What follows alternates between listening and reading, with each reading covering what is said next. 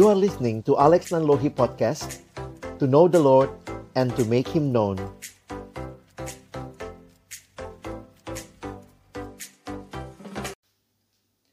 Mari kita berdoa sebelum kita membaca merenungkan firman Tuhan.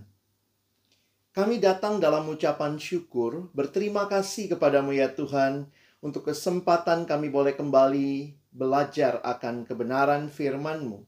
Kami akan membuka firman-Mu, bukalah juga hati kami. Jadikanlah hati kami seperti tanah yang baik. Dan tolonglah kami Tuhan. Biarlah ketika benih firman-Mu ditaburkan, itu boleh sungguh-sungguh berakar, bertumbuh, dan juga berbuah nyata di dalam kehidupan kami. Berkati baik hambamu yang menyampaikan, setiap kami yang mendengar, Tuhan tolonglah kami semua agar kami bukan hanya menjadi pendengar-pendengar firman yang setia, tapi mampukan dengan kuasa dan pertolongan dari rohmu yang kudus, kami dimampukan menjadi pelaku-pelaku firman-Mu di dalam kehidupan kami, di dalam masa muda kami. Bersabdalah ya Tuhan, kami anak-anakmu sedia mendengarnya. Di dalam satu nama yang kudus, nama yang berkuasa, nama Tuhan kami Yesus Kristus, kami menyerahkan pemberitaan firman-Mu. Amin. Tema kita pada hari ini adalah keberanian yang otentik. Sepanjang Alkitab, kita berjumpa dengan banyak tokoh-tokoh yang menunjukkan keberanian yang luar biasa. Kita melihat ada orang seperti Nuh yang berani melawan arus di zamannya ketika harus membangun bahtera karena apa yang Tuhan perintahkan, walaupun dicibir oleh orang-orang sebangsanya pada masa itu, tetapi dia taat kepada apa yang Tuhan perintahkan, walaupun dia juga belum melihat apa yang sesungguhnya akan terjadi. Kita melihat orang seperti Musa yang juga berani di depan bangsa yang tegar tengkuk seperti Israel. Kita melihat Musa memimpin mereka memasuki perjalanan yang sungguh luar biasa. Perjalanan yang membutuhkan keberanian ketika harus membelah laut dan ketika harus berhadapan dengan situasi yang tidak mudah. Musa setia dan taat kepada Tuhan memimpin umat Israel kita berjumpa dengan seorang anak muda seperti Daud yang juga berani melawan Goliat. Dia maju bukan dengan senjata perang, tetapi keberanian yang datang dari keyakinan akan Allah yang ada dan menyertai dia. Allah yang mengikat perjanjian dengan umatnya. Keberanian-keberanian ini menunjukkan kepada kita bahwa di tengah dunia yang penuh berbagai tantangan, dan juga situasi yang mungkin membuat kita menjadi takut. Apa yang menjadi pilihan kita? Keberanian yang otentik. Di dalam Perjanjian Baru, Rasul Paulus mengatakan juga di dalam salah satu suratnya yang ditulis dari dalam penjara, surat Filipi. Filipi pasal 1 ayat 27 dan 28a.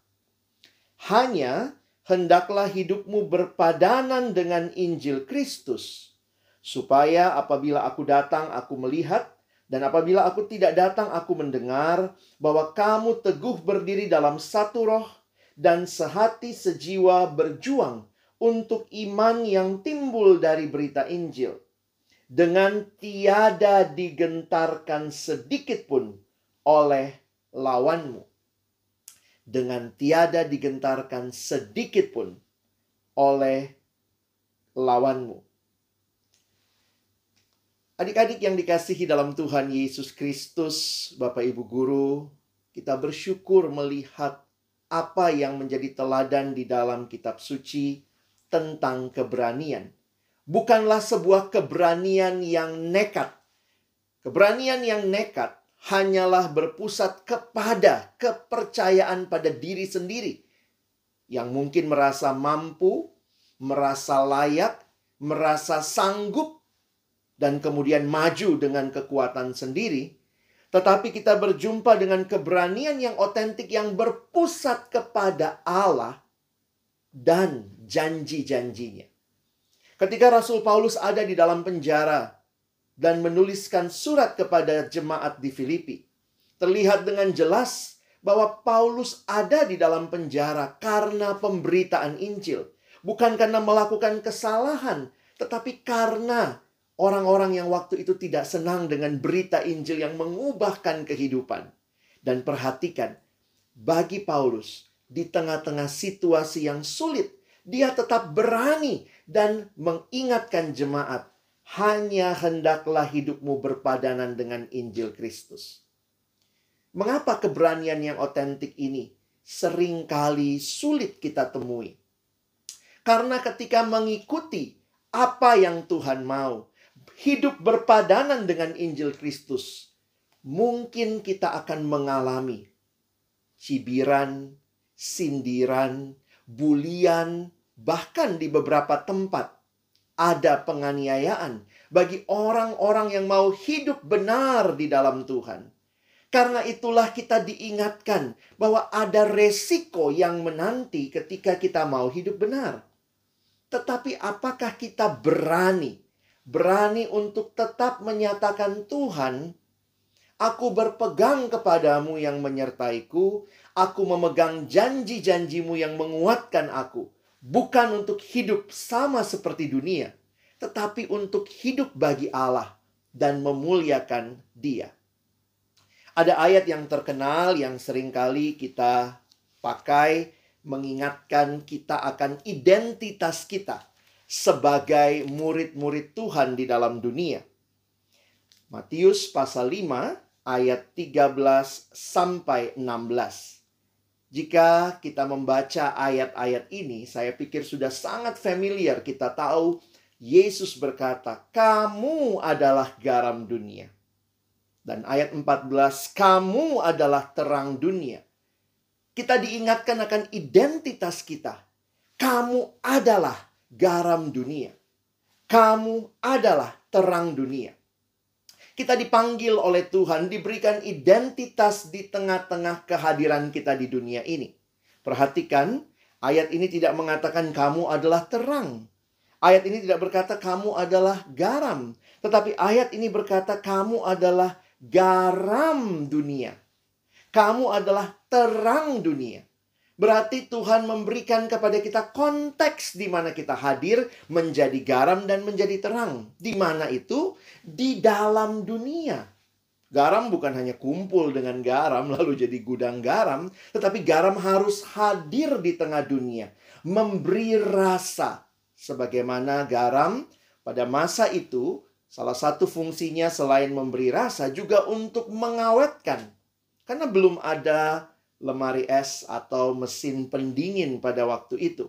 Fungsi garam yang juga utama adalah untuk menghambat pembusukan. Kita sebagai garam dunia ditempatkan di dalam dunia yang sedang membusuk dan kita hadir untuk menghambat pembusukan itu. Kamu adalah terang dunia. Di dalam dunia yang gelap, kita dipanggil untuk menyatakan terang untuk menghidupi identitas ini dan menghidupi apa yang Tuhan mau supaya kita menghambat pembusukan, supaya kita menerangi kegelapan tidak mudah. Teman-teman yang dikasihi Tuhan, waktu Tuhan panggil kita untuk memberi pengaruh di dalam dunia, mungkin ada orang-orang yang tidak senang dengan perubahan, dengan keberanian yang kita sedang jalani. Mungkin ada yang berkata, "Ah, sok suci." Ketika kita berkata, "Saya tidak mau nyontek." Mungkin ada yang bilang, "Ah, sok pendeta kamu." Waktu kamu mungkin berkata, "Saya tidak mau lagi menonton pornografi. Saya mau hidup benar." Mungkin ada yang berkata, "Eh, mana ada ikan apa kucing yang nolak kalau dikasih ikan. Udah deh. Kadang-kadang sindiran-sindiran seperti itu membuat kita rasanya lebih baik hidup aja deh sama seperti dunia. Tetapi ketika kita diberikan identitas oleh Tuhan, maka apa yang Tuhan minta supaya engkau dan saya lakukan adalah bersandar berharap penuh kepadanya, bahkan di tengah-tengah situasi yang tidak mudah, dan di sinilah kita membutuhkan keberanian yang kalau sumbernya dari dalam diri kita, nggak mungkin. Kita justru lebih mau mengikuti apa kata orang, apa yang nampaknya menyenangkan. Tetapi ketika kita bersekutu dengan Tuhan, kita menikmati relasi dengan Tuhan hari demi hari. Firman Tuhan menguduskan hidup kita. Maka kita akan mau berkata, Tuhan, bukan apa yang kuingini, tetapi apa yang engkau mau. Keberanian yang otentik sekali lagi bersumber dari Tuhan sendiri. Dan bagi kita yang berelasi dengan Tuhan, kita pun dikuatkan untuk jadi garam dunia, untuk jadi terang dunia di tengah-tengah dunia yang semakin membusuk, di tengah-tengah dunia yang semakin gelap dan mungkin menolak kita dan bahkan menganiaya kita yang mau hidup benar. Dari mana pemahaman itu? Sebenarnya kita perlu lihat di atas ayat yang kita baca tadi. Kalau teman-teman memperhatikan, ini adalah bagian khotbah di bukit yang Yesus sampaikan. Sebelum sampai ke Matius 5 ayat 13, yuk kita lihat sebentar. Di atasnya ada Matius 5 ayat 10, ayat 11 dan ayat 12. Jadi, ayat 13 me mengikuti apa yang sebenarnya sudah disampaikan sebelumnya dan saya mau ajak kita melihat dari ayat 10, ayat 11 dan ayat 12. Matius 5 ayat 10. Berbahagialah orang yang dianiaya oleh sebab kebenaran. Karena mereka lah yang empunya kerajaan sorga. Wow, ini satu peneguhan yang Tuhan nyatakan. Yang dianiaya oleh karena kebenaran, mereka lah yang mempunyai kerajaan sorga dan dikatakan berbahagia. Perhatikan ayat 11. Berbahagialah kamu. Wow, apakah menang undian, menang lotre, dapat hadiah luar biasa? Ayat 11. Berbahagialah kamu jika karena aku kamu dicela dan dianiaya dan kepadamu difitnahkan segala yang jahat. Apanya yang berbahagia? Bukankah itu situasi-situasi yang sulit? Tetapi karena nama Tuhan, ketika mau hidup benar, hidup jujur, lalu kemudian mengalami dicela, bahkan dianiaya, kita yang taat kepada Tuhan, yang tetap mengikuti kehendaknya. Yesus berkata, berbahagialah. Dan bahkan ayat 12 dikatakan, perhatikan, bersuka cita dan bergembiralah. Mengapa? Karena upahmu besar di sorga. Sebab demikian juga telah dianiaya nabi-nabi yang sebelum kamu. Yesus mengingatkan sepanjang sejarah para nabi juga terus mengatakan kebenaran, menyampaikan kebenaran dan banyak orang yang tidak suka. Apa yang mereka lakukan? Mereka mencela, mencibir, bahkan ada nabi yang dianiaya. Dan ini menunjukkan bahwa dunia tidak senang dengan kehidupan yang benar, hidup yang jujur, hidup yang kudus, hidup yang harusnya dilakoni oleh setiap kita anak-anak Tuhan. Karena itu kita butuh keberanian. Bukan keberanian semu. Bukan keberanian yang bersumber pada kekuatan diri, tetapi keberanian yang otentik. Yang sekali lagi bersumber kepada Allah dan janji-janjinya yang luar biasa. Lalu setelah mengatakan kalimat-kalimat ini. Ayat 10, berbahagialah yang dianiaya Ayat 11 berbahagialah kamu yang dicela, dianiaya, difitnah segala yang jahat. Ayat 12 bukan cuma kamu, para nabi-nabi juga sebelum kamu, tetapi kamu kiranya bersuka cita, kamu tetap bergembira. Lalu apa selanjutnya? Selanjutnya kamu adalah garam dunia, kamu adalah terang dunia. Coba kita baca dalam konteksnya. Yesus mengatakan kira-kira demikian. Dunia ini bakal tidak suka dengan apa yang kamu lakukan. Dunia ini mungkin akan menolak kamu, menganiaya kamu, memfitnah kamu. Tapi kamu adalah garam dunia. Di tengah dunia yang seperti itu, engkau dan saya diutus untuk hidup menyatakan kebenaran. Di tengah dunia yang membusuk, kamulah garam dunia. Di tengah dunia yang menolak, menganiaya, memfitnah kita, kamu adalah terang dunia. Wow, apa yang saya hayati ketika merenungkan ayat ini? Sekali lagi saya katakan, Tuhan untuk menjadi terang, menjadi garam di tengah-tengah dunia ini yang sangat menentang, butuh keberanian. Keberanian yang otentik, keberanian yang bersumber dari Allah. Sehingga ketika kita di dalam relasi dengan Tuhan, membaca, merenungkan firman-Nya setiap hari, beribadah kepada Tuhan, berdoa kepada Tuhan, maka Tuhan menguatkan kita. Memberikan keberanian untuk berkata benar, memberikan keberanian untuk meninggalkan dosa, memberikan keberanian untuk beda dengan orang-orang di sekitar kita. Ketika semua berkata, "Udah deh, nikmatin aja." Tapi kalau kita tahu itu tidak memuliakan Tuhan, kita berani berkata, "No, saya memilih untuk taat kepada Tuhan. Mungkin teman-teman membutuhkan keberanian seperti ini. Nikmatilah relasi dengan Allah, sehingga engkau dan saya bisa bertahan hidup benar dengan kekuatan yang dari Tuhan. Dengan demikian, kita juga bisa berkata, seperti kalimat di dalam firman Tuhan di Yakobus pasal 5 ayat 12b. Jika ya, katakan ya. Jika tidak, katakan tidak. Kita butuh keberanian untuk hidup seperti ini. Dan ketika kita bersandar kepada Tuhan, hidup benar di tengah dunia, kita akhirnya bisa menjadi pengaruh yang baik.